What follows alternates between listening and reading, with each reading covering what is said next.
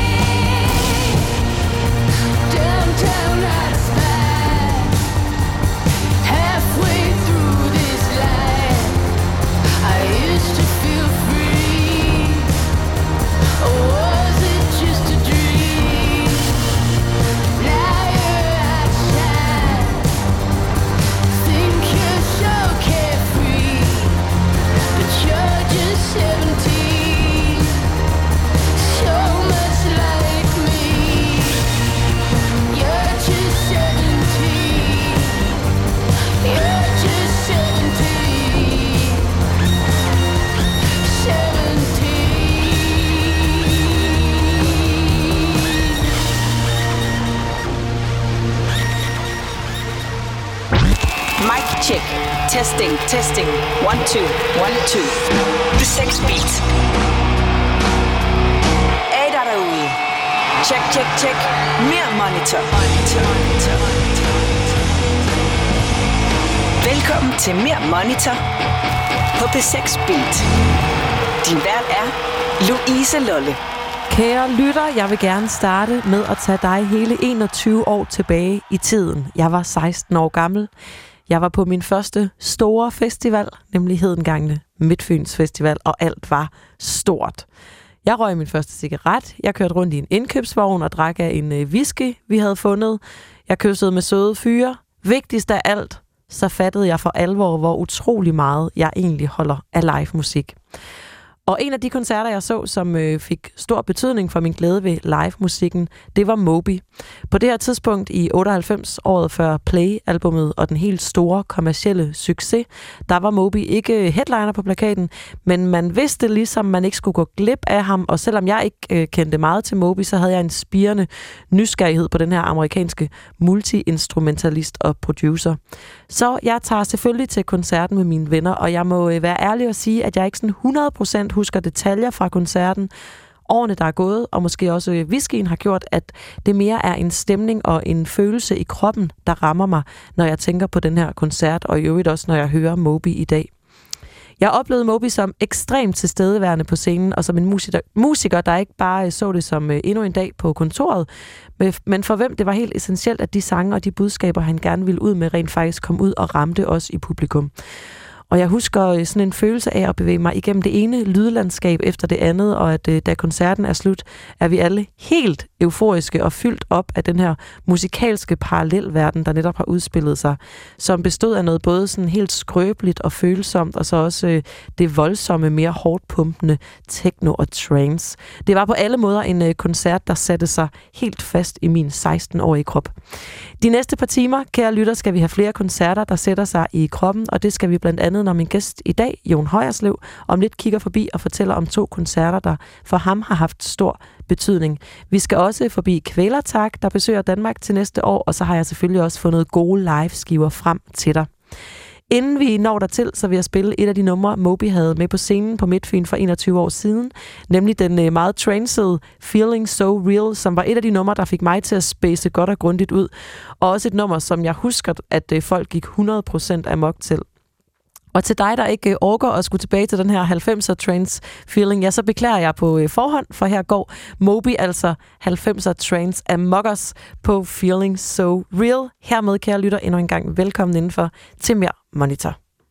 Sound system rockin', sound system rockin', sound system rockin', sound system rockin', sound system rockin', sound system rockin', sound system rockin'. Set it up, DJ. Sound system rockin',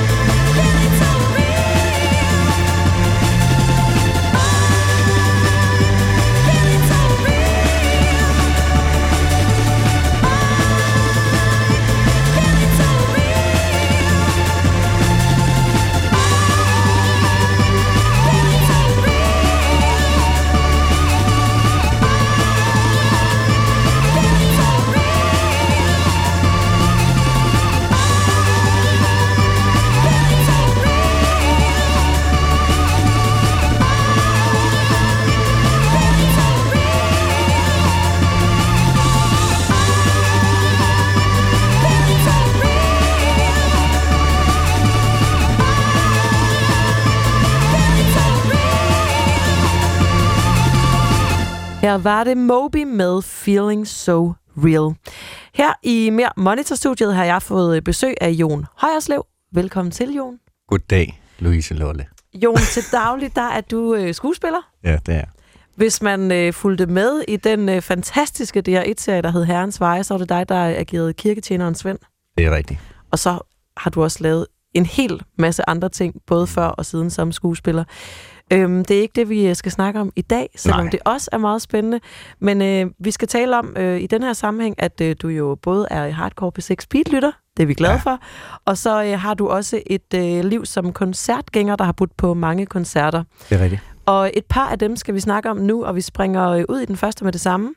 Det er nogle gutter, der faktisk splittede op i 2011, men for nyligt har meldt ud, at de gen- genopstår i øh, 2020 og tager på øh, turné igen, mm. nemlig Rage Against the Machine. Og Jon, du så øh, Rage Against the Machine for, øh, jeg vil sige, en menneskealder siden. Det må du gerne sige. For vi nogle skal af det. tilbage til øh, 94, Ja. Roskilde Festival. Først og fremmest, Jon, hvad var dit forhold til øh, Rage på det her tidspunkt? Jamen altså, på det tidspunkt, der gik jeg... Skal jeg lige se? Nej, der var jeg lige blevet færdig. Jeg er lige blevet færdig med gymnasiet. Så der har jeg haft tre år der med altså langt hår og du ved, flower power og, øh, og så sådan til alle festerne, der har vi hørt rigtig meget Pearl Jam og Rage Against the Machine og Nirvana og alle sådan bands. Øhm, så da vi fandt ud af, at den første Roskilde, jeg skulle på, det var så også med Rage Against the Machine, som vi lige havde danset til det sidste halve års tid, eller sådan noget, siden det første album udkom, der, der var det jo selvfølgelig bare sådan, oh, fucking hell, eller on, pardon my French, men altså, shit, mand. Det, Det var stort. helt sindssygt, ikke? Altså, så de var ligesom på deres absolute peak, både Mm. nyhedsmæssigt, men også bare, alle folk var helt vilde med dem, ikke? Mm. Så da vi fandt ud af, at det var, så var det sådan, det var ligesom højdepunktet sammen, Mm. med, sammen med to-tre andre kunstnere, ikke? Klart. Og øhm, de skal jo så også spille på Orange, klart mm. Nok, fordi de er et kæmpe stort band Mm. der tilbage i midt-90'erne. Og der tropper du op sammen med dine øh, gymnasievenner. Kan du huske, hvordan stemningen var blandt publikum, før de går på? Ja, altså jeg tror, der var sådan en blanding af, af angst og eufori blandt Ja. de der sådan 60-70.000, som der Ja. troppede op, ikke? Og det var sådan, at hele plænen var fuldstændig fyldt. Altså, det var sommer, og selvfølgelig var det sommer, det var juni, ikke? Men øh, Mm. solskin, var også sommer, vejret var ja. virkelig, virkelig fedt. Så man var ligesom alle sammen i shorts og t-shirts og bare virkelig forventningsfulde. Mm. Øhm, og sådan lidt tribende, og selvfølgelig også fordi det var den første Roskilde for mit vedkommende, så altså var det, det der med, at der var en, en koncert på Roskilde, eller på Orange Scene, som virkelig fyldte hele Mm. pladsen op. Det var, havde der ikke været nogen af de andre, der havde gjort på det tidspunkt. Det var sådan, okay, nu mærker man virkelig energien fra Roskilde. Mm. Mm. Så øh, forventningen, det var, den var, ja, forventningen den var rimelig stor, det vil jeg sige. Og kan du huske energien blandt publikum, da Rage så øh, indtager scenen? Ja, men jeg, jeg, kan, jeg, jeg ved ikke præcis, hvad det er for et nummer, de starter med, men de starter med et af de mm, jævnt hårde, ikke? Og det udløser bare den der masse eksplosion blandt folk, fordi dengang der var ikke noget, der var ikke den der pit foran, som man skulle Nej. gå ind og stå i kø til for at komme ind. Altså, Der var sådan nogle der, var, jernbøjler. der var jernbøjler, Ja. som ligesom var sådan nogle bølgebryder, ikke? Ja. Øh, selvfølgelig før Pearl Jam-koncerten, hvor det gik galt. Mm. Øhm, så alle folk var på en eller anden måde i samme rum. Det var ikke delt mm. op i to lejre. Og da det, da det første, altså da det første bas bare hamrer igennem, så hopper alle bare på én gang. Det er sådan en stor moshpit. Alle hopper bare ind i hinanden og hopper og hopper. Det er sådan en koncert, hvor alle folk bare hele tiden hopper. Hopper, ja. ikke? Altså det er en ja. stor hop, hop, hop og headbange og banke ind i hinanden med et stort smil. Ikke? Altså det var fuldstændig crazy. Altså. Ja, ja. Altså, det lyder også øh, som en øh, vanvittig energi, der har udfundet sig derfor, der har fundet sted der foran øh, Orange tilbage i 94. Jeg synes, vi skal øh, prøve at øh, bygge stemningen endnu mere op, Ja, og det kan vi det gøre klart. ved at høre et stykke musik, selvfølgelig med Mhm. Rage Against the Machine, og det bliver en øh, live-optagelse, Nå. som øh, stammer fra The Grand Olympic Auditorium i øh, Los Angeles, godt nok nogle år senere, end du så dem, nemlig i år 2000, men her skal Mhm. vi have dem med Bomb Track. Sådan.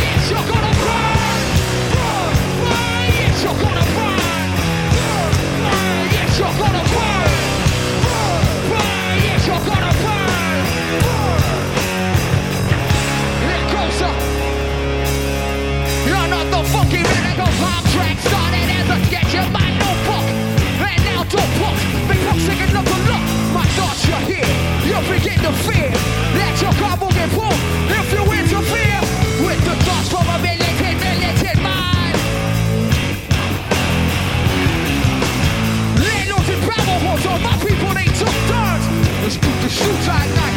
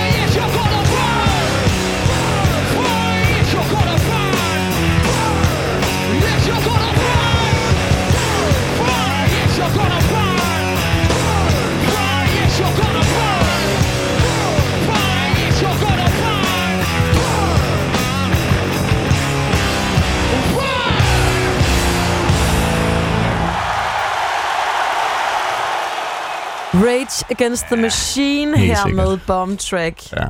Jon, du blev jo faktisk øh, kastet tilbage til koncerten her og kunne huske sætlisten, da du hørte det her nummer. Jamen, det gjorde jeg, fordi lige før, da du spurgte, hvad skete der, da de gik på, så sad jeg og tænkte, hvad fanden, var det ikke Bomb Track? Var det ikke Bomb Track, de spillede først? Så var jeg sådan, ah, det er jeg ikke helt sikker.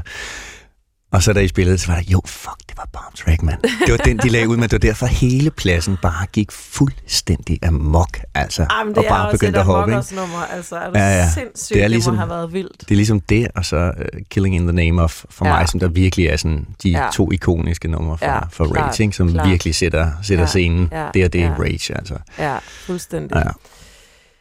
Jon Højerslev, min Mhm. gæst her i Mere Monitor. Du så, som sagt, Rage Against the Machine på Roskilde for 25 år siden, er Mhm. det. Og før der talte vi øh, om dit forhold til Rage, som du havde dyrket en del, og det var vildt for dig, at de skulle spille på Roskilde. Og Mm.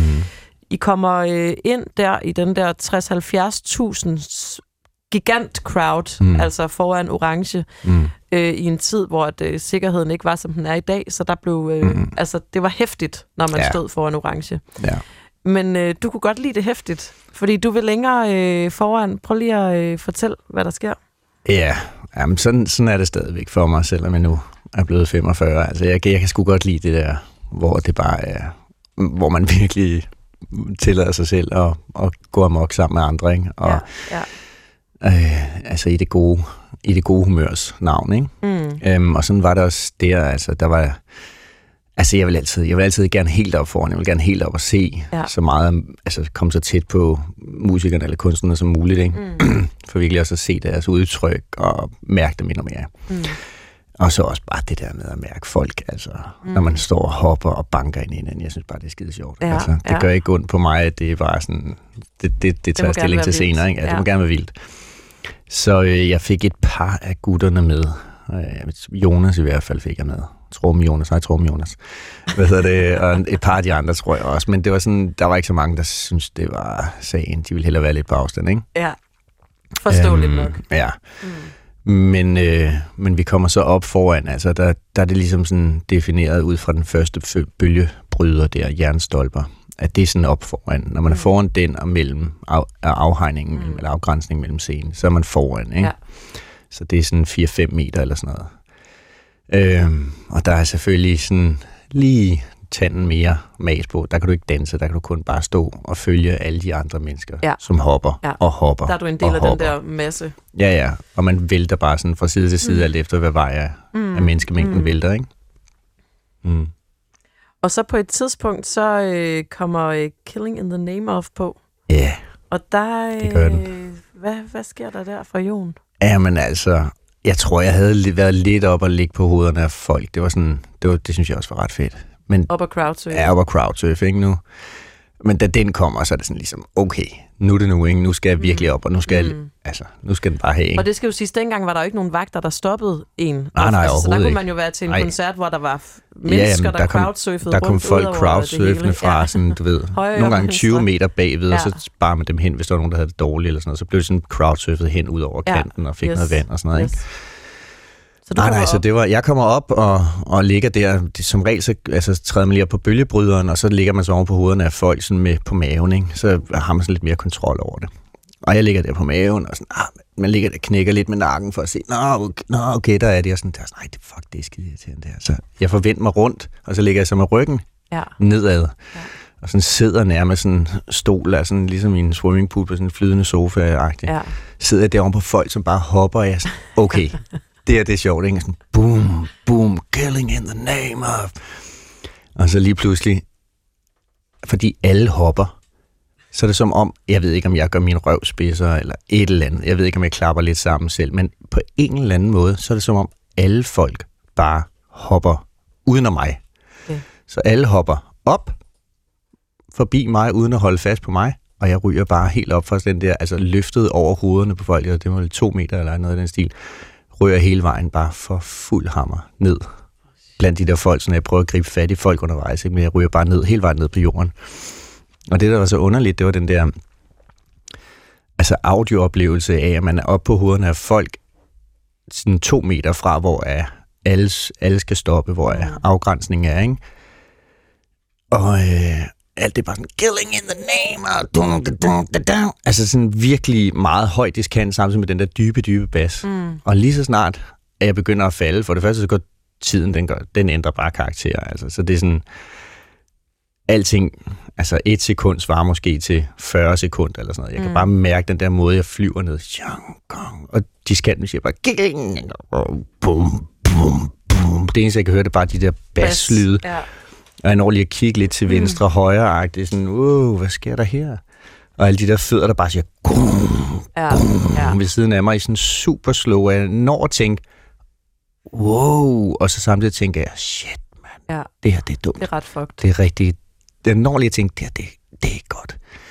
Og lige der, når det, jeg sådan tænker, nu skal jeg prøve at komme op, så kommer der bare først en hånd, gong, i mit bryst, gong, gong, to, tre, altså tre hænder, der bare griber fat i mig på samme tid.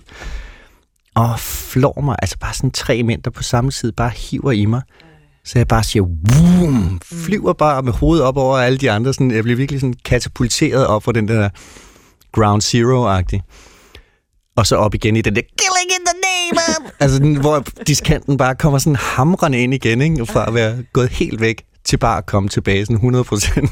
Ej, det er jo uh, både var- emotionelt og musikalsk et, en sindssyg oplevelse, ah, du havde det der. var så sindssygt. Men vi siger tak til de tre stærke engle der i publikum, Ja, der fik uh, kæft, det var altså- helt op uh, på det var Roskilde igen. Old Days, altså, hvor man, virkelig, man var virkelig også opmærksom på hinanden, fordi man vidste alle sammen godt, det her det er potentielt set ikke særlig ufarligt Ja, faktisk. Ikke? ja, Altså, ja, klart. så man var meget opmærksom, synes jeg. klart.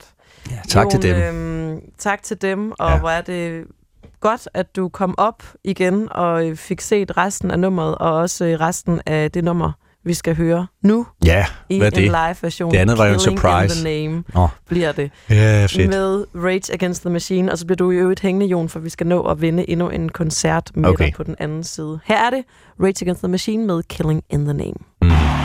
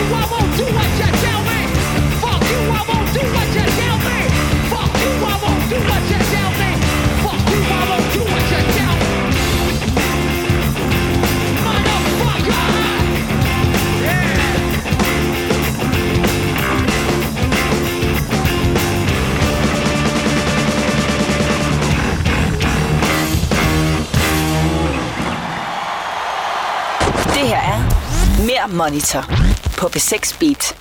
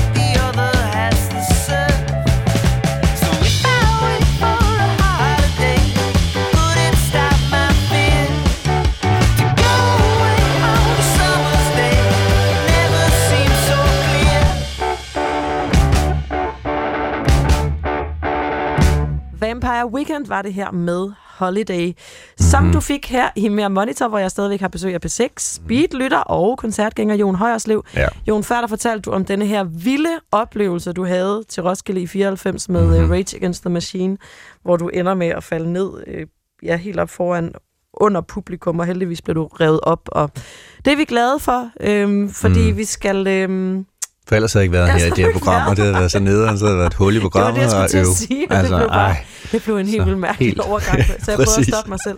Men du fik lov til at færdiggøre det. det er fint. Og det er så fint. Ja. Fordi vi skal jo også have en uh, koncerthistorie mere fra dig. Nå ja, det er rigtigt. Ja, så det er meget vigtigt. Mm. Ja, og det er med en uh, kvinde, som øh, Mhm. mange synes er øh, et unikum og noget øh, helt fantastisk. Og det gjorde Ja. de altså også, da hun skulle optræde på Roskilde Festival i 94.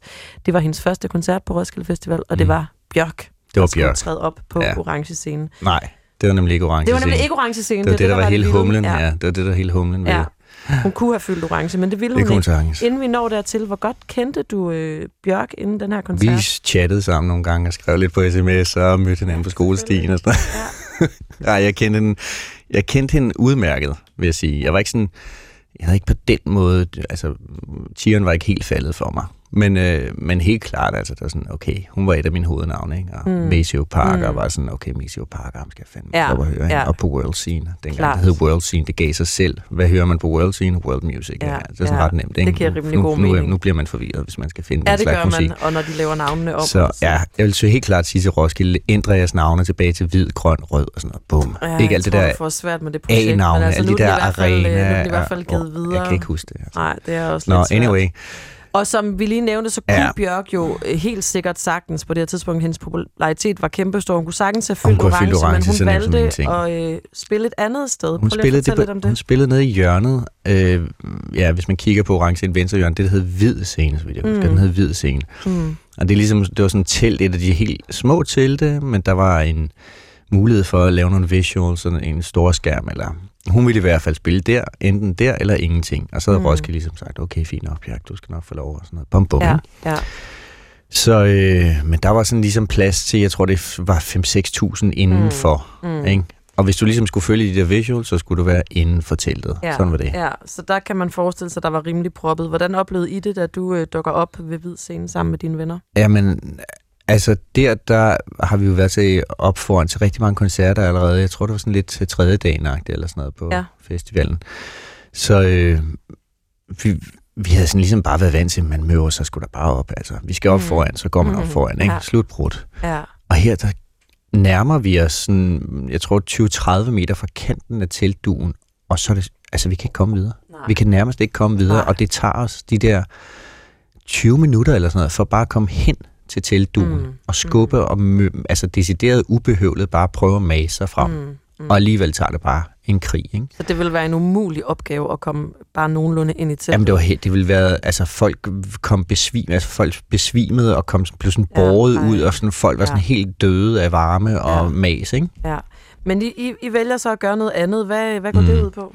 Jamen, vi ser ligesom på vejen hen mod duen, at der pludselig lægger vi mærke til, at der er faktisk en eller to gutter, som der er kravlet op af teltpælene der, af Mhm. mm. de stængerne, og kravlet helt op på toppen af hvid scene, mm. altså Mhm. op på teltduen, ikke? sådan 15 meter over jorden, ikke?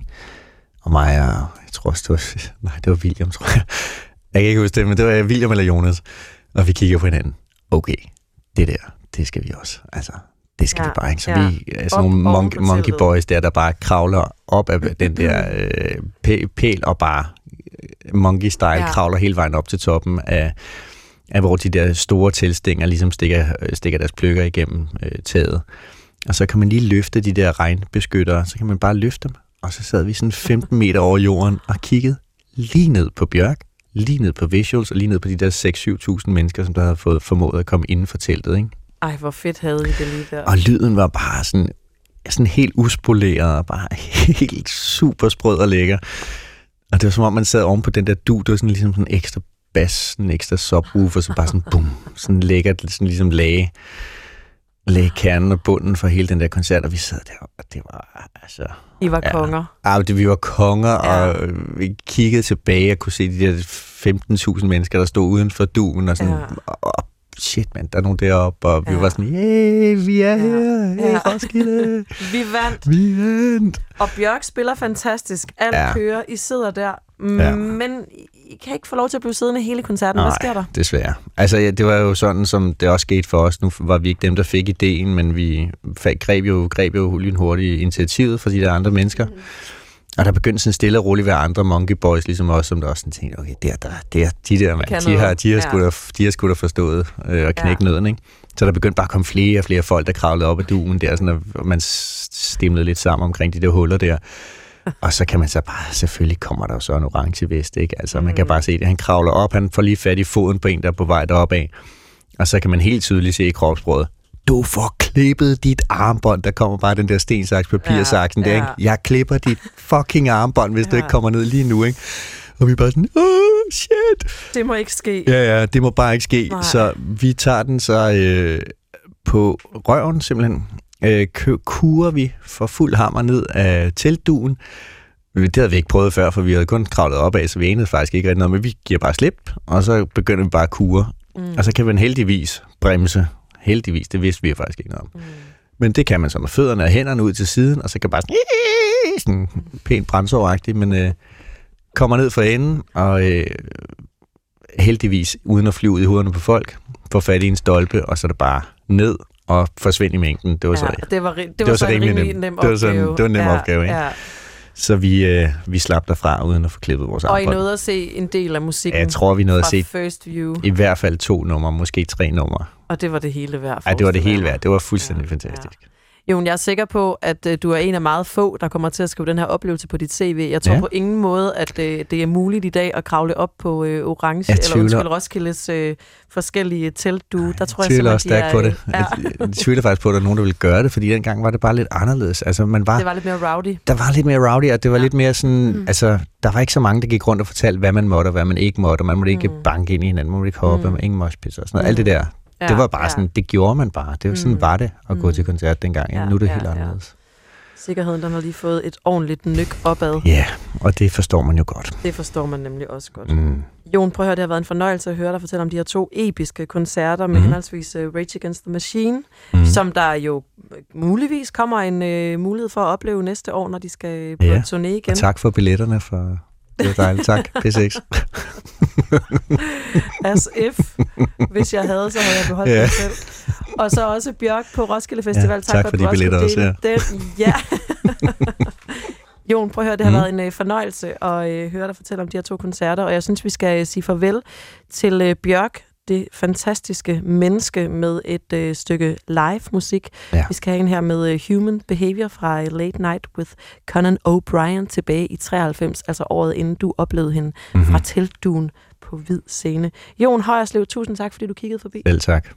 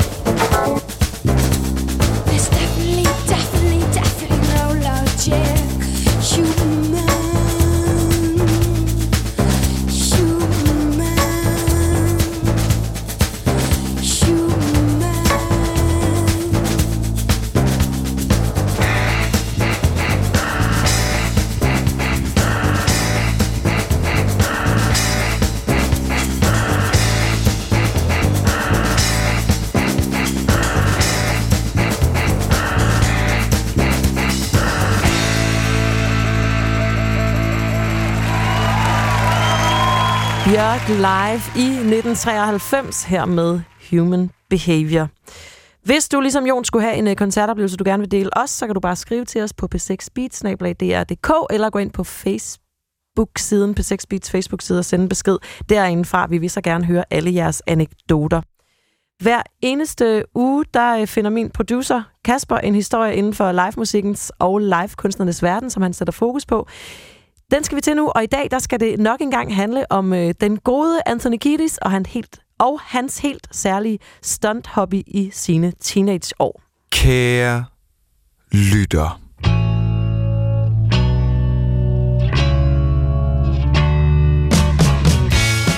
Jeg har altid været meget glad for mit liv og mine lemmer. Så dengang jeg var teenager, var jeg ikke just den første til at lade sig fange af den store jackass-bølge, der skyllede ind over Danmark dengang i nullerne, hvor det var som om, at alle var parate til at sætte deres liv på spil for et godt grin og en fed stuntvideo. Men lang tid før der overhovedet var noget, der hed Jackass, var der en sanger, som lavede sin egen form for dødsensfarlige tricks. Og den sanger er, ikke så overraskende, Anthony Kiedis fra Red Hot Chili Peppers. Vi skal tilbage til slutningen af 1970'erne, hvor Anthony Kiedis var en 15-16 år og var blevet gode venner med den jævnaldrende Michael Peter Balsery, bedre kendt som Flea. De to hang konstant ud sammen, og når de bevægede sig rundt i Los Angeles, havde de lagt mærke til, at der mange steder stod nogle 3, 4 og 5 etagers bygninger, som var bygget rundt om en swimmingpool. Og en dag sker det så, at Anthony får en lysende idé. Nemlig at bruge bygningerne som vipper til at hoppe i poolen fra. Flea er totalt med på ideen, og det bliver hurtigt en form for hobby, som venneparet dyrker sammen. De starter i det små med at springe i poolen fra et og to etagers bygninger. Men som det er med så meget andet, så begynder de hurtigt at savne udfordringer. Og den udfordring bliver de enige om skal være at springe ud fra en bestemt 5 etagers bygning, som de har fået øje på, og ned i en dråbeformet pool. Og en dag i juni sker det så. Anthony Kiedis beskriver selv episoden sådan her. Jeg sagde til Flea, at han skulle springe. Han sprang, og jeg kunne høre plasket fra poolen. Så var det min tur til at springe. Jeg sprang, og mens jeg var i luften, gik det op for mig, at jeg havde sprunget for langt og ville lande på betongen ved siden af poolen. Og der var intet, jeg kunne gøre ved det. Betongen nærmede sig hastigt, og jeg landede på min hæle 25 cm fra swimmingpoolens kant. Der blev tilkaldt en ambulance, og ambulanceredderne smed mig på meget klumset vis op på en borg.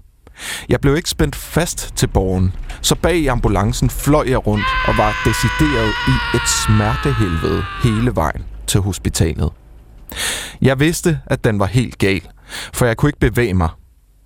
Så tog lægerne et røntgenfoto af min krop, hvorefter en læge sagde til mig, Du har brækket din ryg, og det ser ikke for godt ud. Og lægen havde ret. Hele min rygvivl var mast flad som en stak pandekager, og i en hel måned arbejdede lægerne på at trække den tilbage på plads.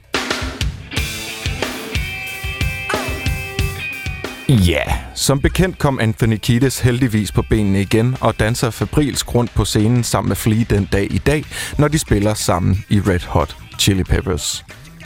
Men når jeg hører sådan en historie, så takker jeg altid mit yngre jeg for at være en tøsedreng og holde mig langt væk fra diverse dødbringende aktiviteter. Der må jeg være enig med Kasper. Altså, øh, det er for sindssyg en beslutning at tage og vælge at springe ud fra femte sal. Altså, det er øh, jo nærmest dømt til at gå galt.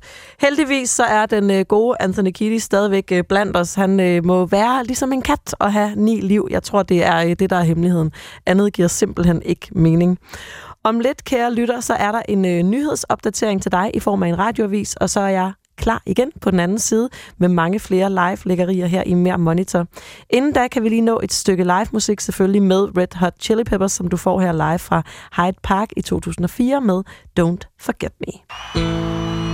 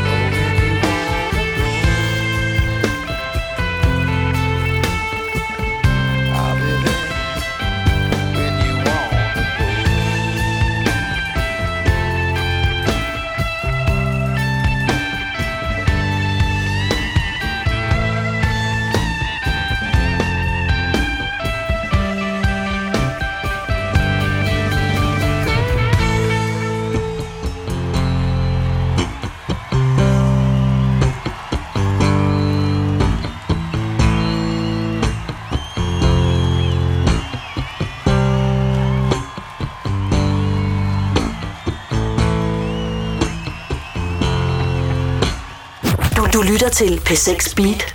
Nu er der radioavis. Politiet har anholdt to mænd, der er mistænkt for at have deltaget i en fangeflugt fra en psykiatrisk afdeling i Slagelse 19. november. Mændene blev anholdt i Barcelona i går aftes. Politiet mener, at de begge deltog i befrielsesaktionen. Det siger politiinspektør ved Sydsjællands og Lolland Falsters politi Kim Kliver. Begge personer har deltaget i befrielsesaktionen nede ved psykiatrisk afdeling nede i Slagelse. Vi ved, at de fysisk har været til stede, og vi ved også, at det grundlag, vi har for øh, anholdelserne, det har været forbi en dommer, der er udset en øh, anholdelsesbeslutning, og der har været udstedt en international retsanmodning. Bandemedlemmet, der blev befriet, er stadig på fri fod, men politiet arbejder intens på sagen, siger Kim Kliver. Vi har gennemført en omfattende efterforskning allerede nu, og vi har fem anholdte. De tre af dem sidder rent faktisk i udlandet. Den ene i Tyskland, og de to andre nu i Spanien, og så har vi to, som vi har anholdt herhjemme. Den undvigende fange er mistænkt for at have deltaget i et brutalt overfald i en frisørsalon på Nørrebro i København. Her blev to mænd, den ene var medlem af banden Brothers, udsat for grov mishandling. Danmark tabte her til eftermiddag til Norge ved kvindernes VM i håndbold. Danmark lagde ellers godt ud og var foran både 5-0 og 8-4, men så tog Norge over, kom på 10-9, og så førte de resten af kampen. Kampen var den første i mellemrunden, og med nederlaget så skal meget kringle sig, hvis Danmark skal gå videre til semifinalen og holde liv i drømmen om medaljer. Og det, var, og det var der også en meget ærgerlig landstræner, Claus Brun Jørgensen, der sagde sådan her lige efter nederlaget. Jeg er mega træt af det, fordi øh, får ikke en bedre chance for at slå Norge, end, end vi fik i dag. Jeg synes, vi, øh, vi starter rigtig flot og går mod kassen, og det stopper vi af en eller anden mystisk årsag med. Danmark kan stadig blive blandt de syv bedste ved VM og dermed komme med i OL-kvalifikationen. Hvis man har et arbejde, så er man måske vant til at gå til mus-samtaler med chefen. De såkaldte medarbejderudviklingssamtaler, men nu skal ministerne til noget af det samme. Statsminister Mette Frederiksen vil nemlig indkalde sine ministre til en samtale, hvor de skal gøre rede for, hvad de vil ændre på de fire år, Socialdemokratiet i første omgang ser ud til at have magten. Det vil Mette Frederiksen gøre for at stramme grebet om, hvad der sker ude i de enkelte ministerier. Det skriver politikken. Ministerne skal blandt andet svare på, hvad de vil huskes for om fire år. Ifølge politiske eksperter, så skal statsministerens tiltag ses som en del af en ambition om at lave mere markante ændringer i samfundet i forhold til tidligere regeringer. Et kig på vejret i aften og i nat. Vekslende skydække med byer mange steder. I Jylland måske med havl og torden. Jævn til hård vind omkring sydvest, ved kysterne stedvis kuling. Og så får vi temperaturer ned mellem 3 og 7 plusgrader. Radiovisen den var med Morten Jeppesen. Velkommen til, til B6 Beat.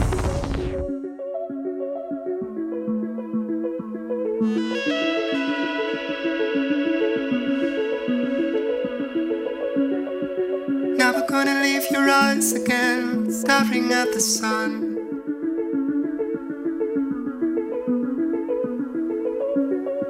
Wish that I could give you everything, guess I come undone. You and I up against the pride. You and I for life.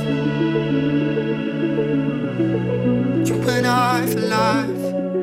We can feel things we can't escape. Fall into the world like we have faith. How we can play the well behaved, exemplary for love. Maybe we can drive the shame away. Nothing ever leaves the mess we made. The weather changed. Did you said rain, exemplary for love. If the love I born, I don't know what I'm inside. It doesn't feel like this face whenever mine.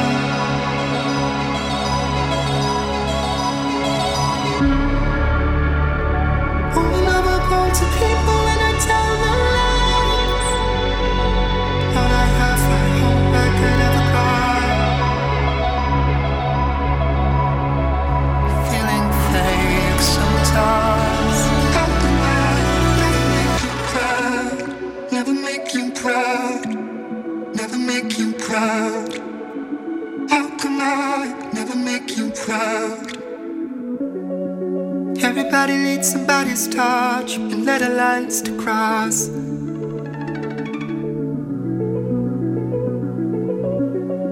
Wish that I could give you everything, but you just wanna talk. So lower the light, no one's here tonight. We can feel things we can't escape. Fall into the world like we have faith. How we can play the well behaved. behave, exemplary for love. Drive the shame away. Thought we never joined the masquerade. The weather changed. You said rain, exemplary for love. If I'm lovable, then I don't know what I'm inside. It doesn't feel like this face whenever mine.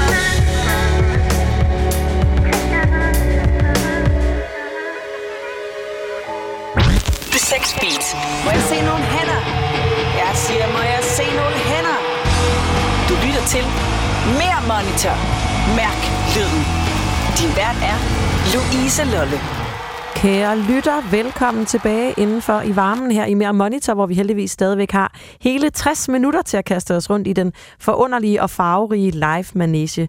I den her time skal det blandt andet handle om en kommende koncert med den mørke crooner King Cruel. Vi skal forbi et gravskrift af et legendarisk live-album. Om lidt, der får jeg besøg af journalist Jakob Trolle, som vil gøre os alle sammen klogere på det norske heavy metalband Kvælertak, i forbindelse med, at de lægger vejen forbi Amager Bio til februar. Alt det og mere til åbner vi op for på den anden side af Oasis med Morning Glory, og dermed endnu en gang hjertelig velkommen indenfor her til mere Monitor.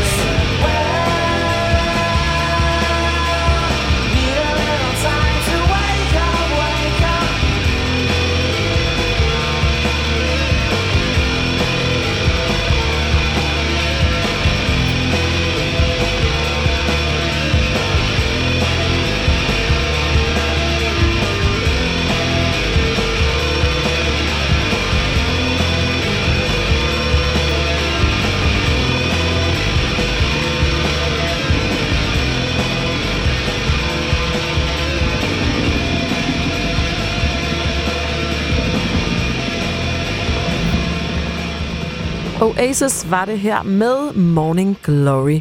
For nyligt blev det annonceret, at øh, det norske heavy rockband Kvælertak kommer forbi øh, Danmark, og det gør de, når det ligger vejen forbi Amager Bio her i København den 26. februar i det nye år. Kvælertak har givet øh, flere koncerter på dansk grund, og øh, sidst de besøgte landet, det var i sommer, hvor de lukkede sommerens Copenhagen af ved at rive hovedscenen Helviti midt over. Og med til koncerten var øh, blandt andre du, Jakob Trolle, som jeg har med i studiet nu. Hej Jakob. Goddag, goddag. Tak fordi du ville kigge forbi. Jamen, det var så Øhm, lidt. Du er øh, nyhedsjournalist her på, øh, på DR, men derudover fungerer du også som øh, reporter på øh, Sort Søndag Metal-podcasten, når der er Copenhagen. Og jeg har inviteret dig i studiet i dag, Jakob, til en snak om øh, Kvælertak øh, i forbindelse med deres kommende koncert i Amager Bio. Det har jeg både, fordi du selv er kæmpe Kvælertak-fan, øh, men også fordi du har oplevet det her band live flere gange, og så interviewede du dem rent faktisk også til Copenhagen i Ja, præcis, præcis. Til at starte med, Jacob, kan du, kan du så ikke prøve at sætte et par ord på, hvad Kvælertak er for et band for de lyttere, der måske ikke måtte kende dem så godt? Jo, altså, kvælertak, det er den her magiterning af alt, hvad der er godt ved Norge. Altså, de har den der bund af norsk black metal, som de kombinerer med de her punkede, rockede tendenser fra mm. Honning Barner, Turbo Negro, hele den der kultur. Og så hiver de også sådan noget helt klassisk øh, new wave of British heavy metal. øh, De tre guitarister, der laver de vildeste løb. Så det er sådan en sammenkog af alt, hvad der er godt ved metal, synes jeg. Vi har haft en del lyttere faktisk forbi på det sidste, der har talt om metalbands, men også meget forskellige metalbands. Nu sætter du jo lidt ord på det her, men hvad er det, der sådan får kvælertak til at skille sig ud i den ret brede palette af metalbands, der findes? Jamen for det første, så er det ekstremt catchy musik. De der guitarløb, okay. de har sådan noget, man rigtig kan lulle lulle med på. Ja, Og det giver jo bare sindssygt fede liveoplevelser, ikke? klart. Og så gjorde Kvælertak et eller andet, de gjorde metallen cool igen. Altså, de er sådan nogle flotte fyre med fede tatoveringer, mm. der spiller... Altså, det, jo, det trækker jo på nogle gamle traditioner, men det er ligesom... Altså, det, det har sådan meget mere skatet, sej aura over sig. End det der fedtede, lidt svedige look, som metal også nogle gange Ja, som det jo lidt af. desværre fik, eller lange sorte læderjakker og mm. mørkt hår. Altså, der, der tror jeg, Kvælertak var sådan for en, en hel generation Mm. af metalheads. På min alder var det ligesom uh, flotte t-shirts, man gik i, og det var Mm. fucking sejt at høre Kvælertak, ikke? Ja, ja. Det var nogen, man godt gad at identificere sig med. Ja, hvor man nogle gange, hvis man sad til en, en fest og sagde, at Iron Maiden var, var yndlingsorkestret, så, øh, så var folk i hvert fald rimelig hurtige til, til at skyde på, hvilken type man var. Ja. Øh, det er så noget med, at bandet fik ny forsanger øh, for nyligt, og det er jo sådan en ret øh, speciel plads at øh, bytte et bandmedlem ud øh, på. Kan du ikke prøve at fortælle lidt mere om det? Jo, altså, de har jo tidligere haft den her legendariske forsanger Erlend, som også var meget deres bro til black metal-verdenen, Mm. Som lignede sådan en rigtig viking, altså, og optrådte. Første nummer, det skete altid med sådan en ule på hovedet, med de oder i øjnene, og meget mystisk. Og alle var jo sikre på, at han kan aldrig afløses. Mm. Det viste sig så, at det kunne han godt. De har hævet en fyr, der hedder Ivar, Ivar fra noget, der hedder The Good, The Bad and The Suckly, som man absolut også skal tjekke ud, hvis man kan lide sin punk. Og han er den her sådan maniske Axel Rose lookalike, heldigvis med en anden stemme, der altså har en kæmpe, et kæmpe stage presence. Altså. Så han det lyder lidt på dig, som om han nærmest kun har opøvet hele, hele bandet, eller hvordan? Jamen, det er jeg sgu næsten tilbøjelig til at sige. Altså, han er på, og han ser så fucking cool ud. Altså, og acer den der vokal. Altså, den er jo blevet mindre blacket, lidt mere punket, men det gør ikke noget for mig i hvert fald. Han tog opgaven og løb afsted med den. lyder Ja, til. præcis. Kan du øh, prøve at beskrive, Jacob, dit eget sådan, personlige forhold til, til bandet og musikken? Jamen for mig var det også øh, det der med, at metal lige pludselig blev fucking cool igen, og der kom det her danske band, der hed Fortress, hvor metal lige pludselig blev øh, lækre fyre med mange tusser i korte denim shorts og fuld fart derudad. Altså, så de har gjort mere, synes jeg, sådan brandingmæssigt end musikalsk nærmest, Mm. fordi at man så godt ud i en kvælertagt trøje, og Og måske også Der har kom- de dermed åbnet metallen op for nogle andre dele af, af publikum. Ja, præcis. Altså, nu vender jeg hele tiden tilbage til Fortress, men de røg jo på tur med Spectres eller et eller andet hip-hop-band, ikke? Altså, så det gjorde det vildt tilgængeligt, det der med, at, øh, at det var sådan 70'er metal frem for. Helt sikkert. Jakob, det er øh, fedt at have besøg af dig og øh, blive lidt klogere på det her hårdslående band fra det mørke nord. Vi skal tale mere om Kvælertak som liveband om lidt. Du har som sagt oplevet dem live. Først så tager vi en øh, liveoptagelse med dem fra øh, en BBC-session, de lavede tilbage i 2010. Det var så med bandets tidligere forsanger Erlend Hjelvik. mm. Mhm. som han hedder. Øhm, her skal vi have kvælertak med Je Hyena.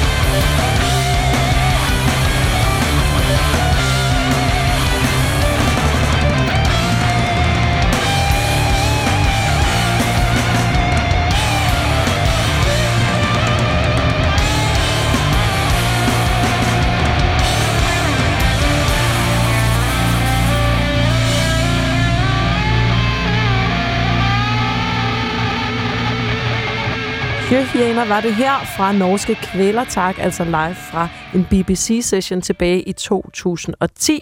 Den fik du her i Mere Monitor, hvor jeg stadigvæk har besøg af journalist og Kvælertak kæmpe fan, kan jeg vist godt sige, Jakob mm. Trolle, som er i gang med at gøre os alle sammen klogere på netop Kvælertak i forbindelse med deres kommende koncert i Amager Bio her i København til februar.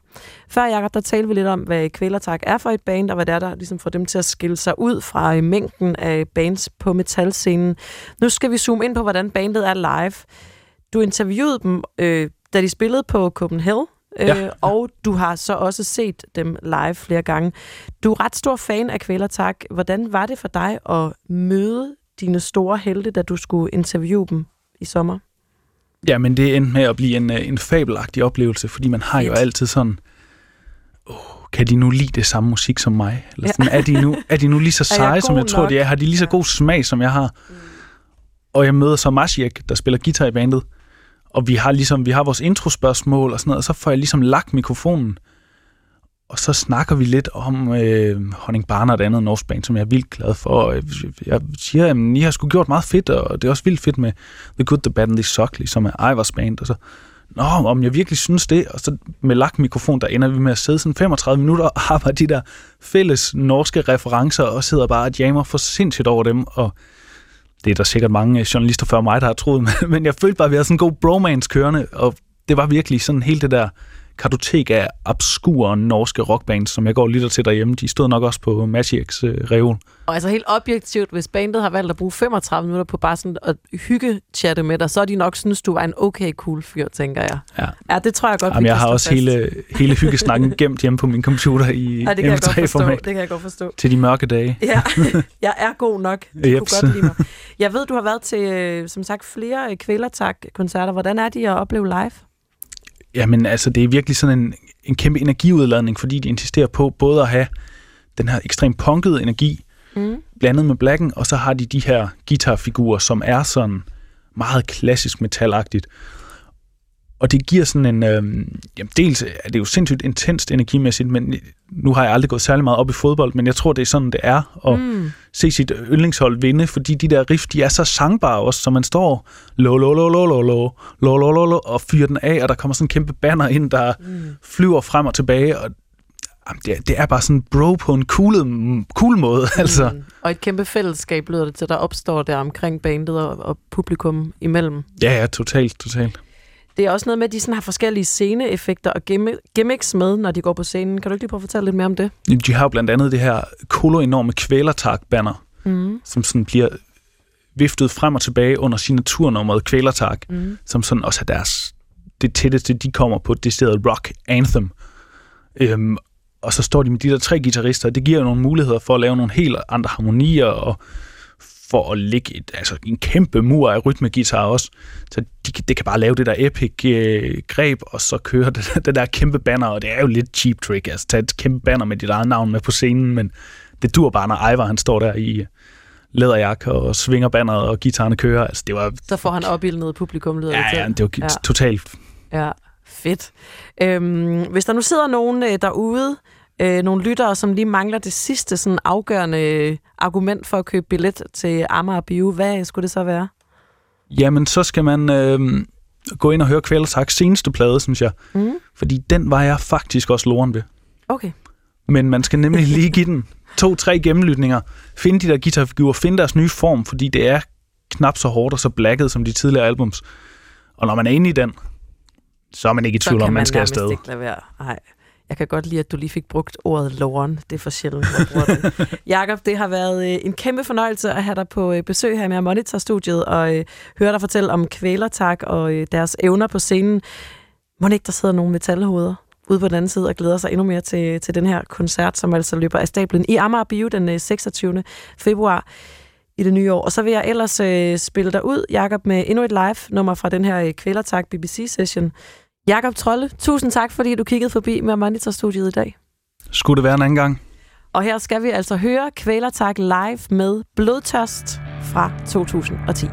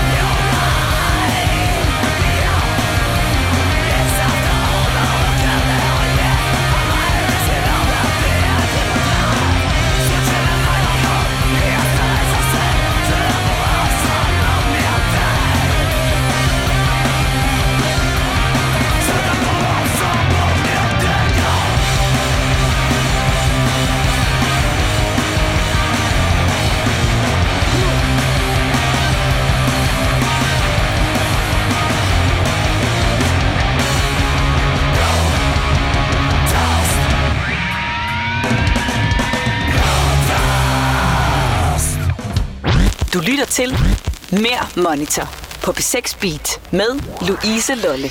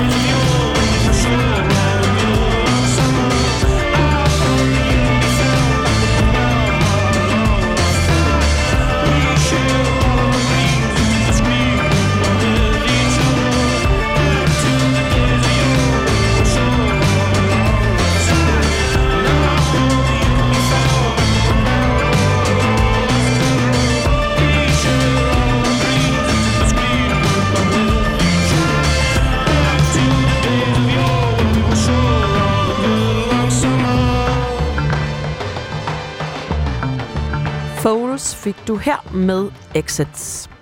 Den mesterlige mørke crooner King Cruel er på mange måder et kultnavn med sin genreblandede singer-songwriter-stil.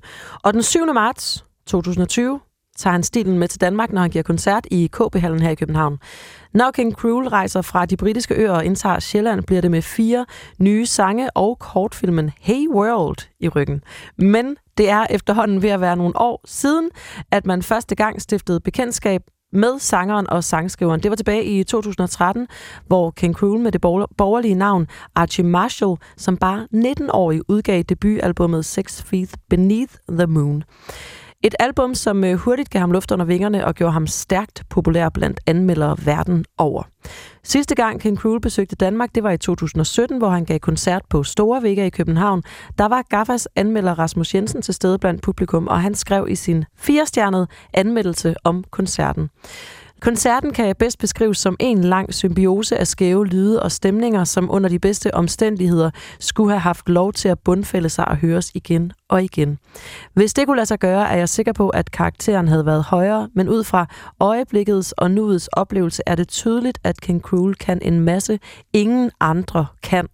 Skrev altså Gaffas anmelder Rasmus Jensen om King Cruel-koncerten i Store Vega i 2017. Om King Cruel leverer en koncert til en højere karakter, må vi vente til den 7. marts i det nye år med at finde ud af, når han altså går på scenen i KB-hallen. Mens vi øh, venter på det, så synes jeg, at vi skal tage en live-optagelse med et af de numre, vi har spillet allermest med King Cruel her på kanalen. Så her får du, kære lytter, King Cruel live på Later at Jules Holland på BBC 2 i 2017 med Dumb Surfer.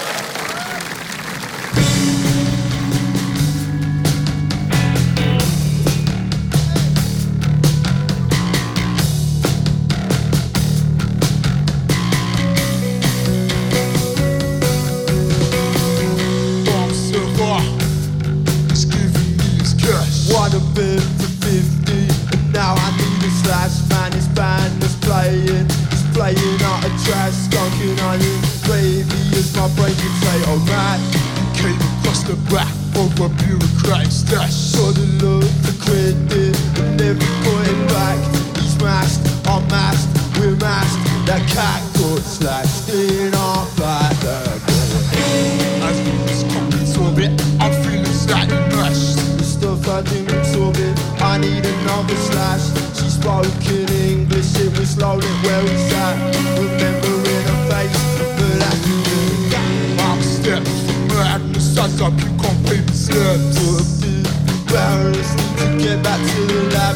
In the depths of traffic, I was feeling like we crashed. With a girl from Slovakia in a European. Coming settled habits, I can see my men's mashed. If we were commuting, this train would flipping crash. Now my brain's diluted. We blame and deal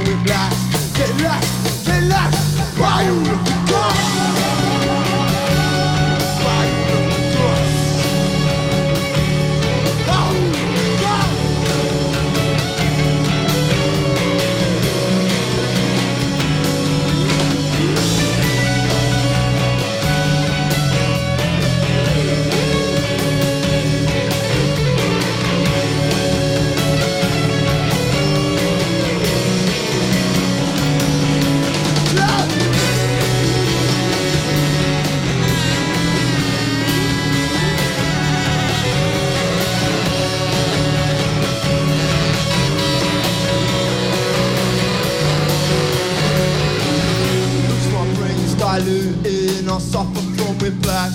This girl's not screaming, I think we got in and crashed. The driver's speaking, the car is still intact. It was only minor, well that's the end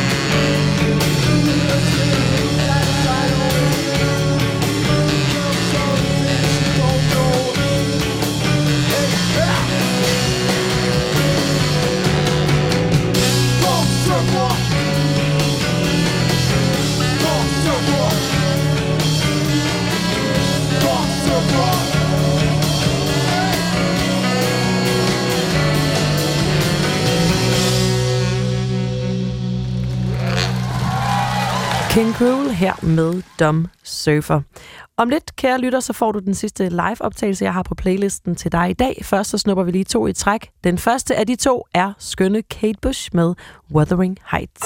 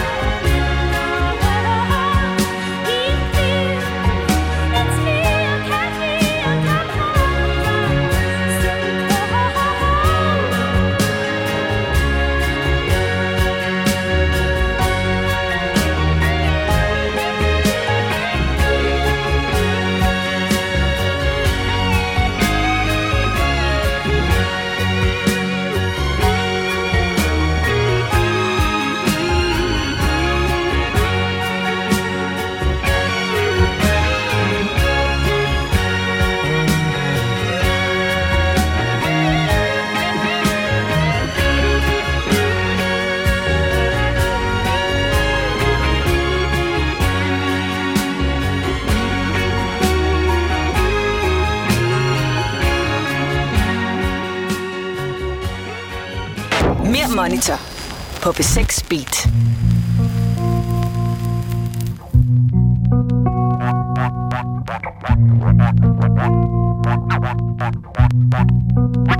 Thank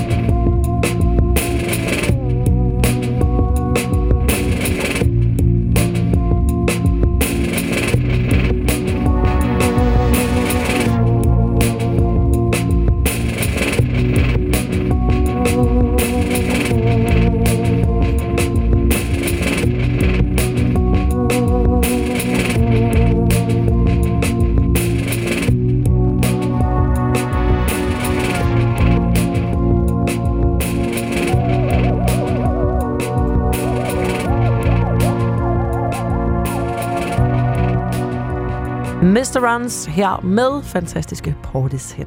Nu skal vi til et helt særligt live-album, der udkom posthumt efter sangerens død, og som blev sammensat af hans mor for at holde sønnens musik i live. Live-albummet, jeg taler om, er Mystery White Boy med Jeff Buckley, og det er det album, som det skal handle om nu. Da Jeff Buckley levede, var hans mor, Mary Gibbert, ikke involveret i sin søns musikalske karriere. Men det blev hun, da hun tilbage i år 2000 satte sig for at gennemlytte en masse spolebånd med liveoptagelser af Jeff Buckleys musik med henblik på at samle en række sange, som kunne udgøre et øh, livealbum til ære for sin søn og musikken. Egentlig var Mary Gibbert ikke sikker på, at øh, Jeff ville have ønsket, at optagelserne skulle udgives, men eftersom optagelsen var lavet, havde hun en øh, klar teori om, at det højst sandsynligt var noget, han havde haft i tankerne at gøre, når han engang ville blive færdig med det album, som han skulle begynde at skrive og øve på den aften i maj 97, hvor han druknede i Mississippi-floden. I tiden inden den øh, mystiske og mytiske Jeff Buckleys død, havde han mange samtaler med sin mor om, hvordan han kunne bevare jordforbindelsen og kontrollere den tiltagende berømmelse. Og da Mary Gibbert begyndte at promovere Mystery White Boy-albummet, gik det op for hende, hvor vanvittigt et schema hendes søn havde arbejdet under. Først med EP'en Live at St. E, som var i 93, og debutalbummet Det Store Grace året efter. Under promotion-turen lavede Mary Gibbert nemlig ikke så lidt som 19 interviews på en dag i Paris alene. Og derudover deltog hun i en lang række fan-events i Canada, USA og Europa med tusindvis af fans, som ville høre, hvordan Jeff Buckley var som barn, og hvordan det var at lytte til hans musik som mor. Da Rolling Stone Magazine interviewede Mary Gibbert i forbindelse med udgivelsen af Mystery White Boy, spurgte de hende, hvordan det var som mor at skulle lytte igennem timevis af optagelser med hendes søn. Til det svarede hun, det er vidunderligt afskyeligt. Det var smukt, og det var forfærdeligt. Der var øjeblikke, for eksempel da jeg hørte ham udføre Grace, hvor jeg simpelthen måtte stoppe båndet for at græde i over en time, før jeg var i stand til at lytte til det igen. Gibbert og øh, Jeff Buckleys guitarist Michael Ty, som co-producer, fandt sangene og samlede albummet med optagelser fra syv forskellige koncerter i øh, Tyskland, Australien, Frankrig, Seattle og San Francisco, uden at det gik ud over fornemmelsen af at lytte til en sammenhængende koncert. Samtidig gjorde Michael Ty en dyd ud af at bevare sangene i deres fulde længde og så råt og upoleret som overhovedet muligt. Med visse sange vidste jeg, at øh, Jeff kunne lide dem rodet og upoleret. Det var også en af grundene til, at jeg ikke klippede nogen af numrene kortere, udtalte han senere til Rolling Stone Magazine og fortsatte. Jeff var umådelig modig med sin musik. Han brød alle regler og kastede sig hovedkuls ud i alt, hvad der umiddelbart faldt ham ind på scenen. Og når han fejlede, gjorde det ingenting. Når man lyttede til optagelserne, rammer han ikke altid de høje toner, men det er i sig selv, at han forsøger, og den måde, hans stemme knækker på, et bestemt punkt tilfører en kraftfuld effekt og giver så meget mere nerve, end hvis han havde ramt tonen perfekt, sagde altså øh, co-producer Michael Ty om Jeff Buckley på det her live-album Mystery White Boy. Og netop det album, kære lytter, vil jeg slutte dagens udgave af Mere Monitor af med for i dag. Vi skal høre nummeret Mojo Pen, som bliver fremført live af Jeff Buckley og band i Theater de Fourier i Lyon tilbage i 95. Og med det, så vil jeg også sige tak for i år. Det her det bliver nemlig det sidste Mere Monitor-program i 2019. Vi øh, overlader de næste uger til andet godt i sendefladen, og så vender vi ellers stærkt tilbage i år 2020, og det glæder vi os sindssygt meget til. Det her, det er altså et øh, fantastisk øh, nummer at afslutte denne her sæson på, hvis jeg selv skal sige det. Her får du kære lytter Jeff Buckley med Mojo Pin live, altså tilbage fra 1995.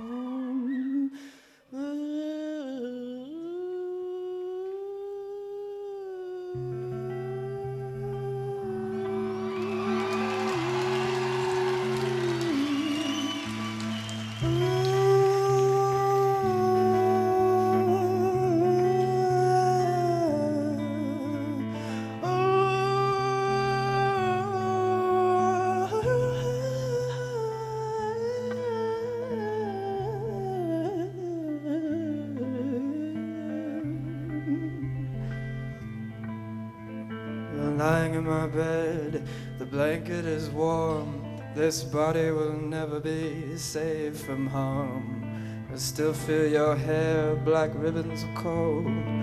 Touch my skin to keep me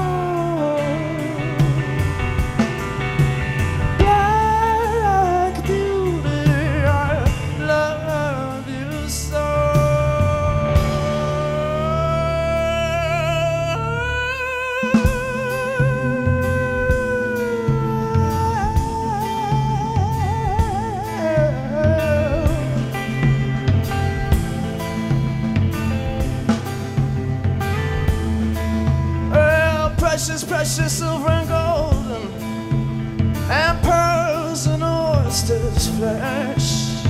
Drop down we to the sun and pray to love. Yes, bone.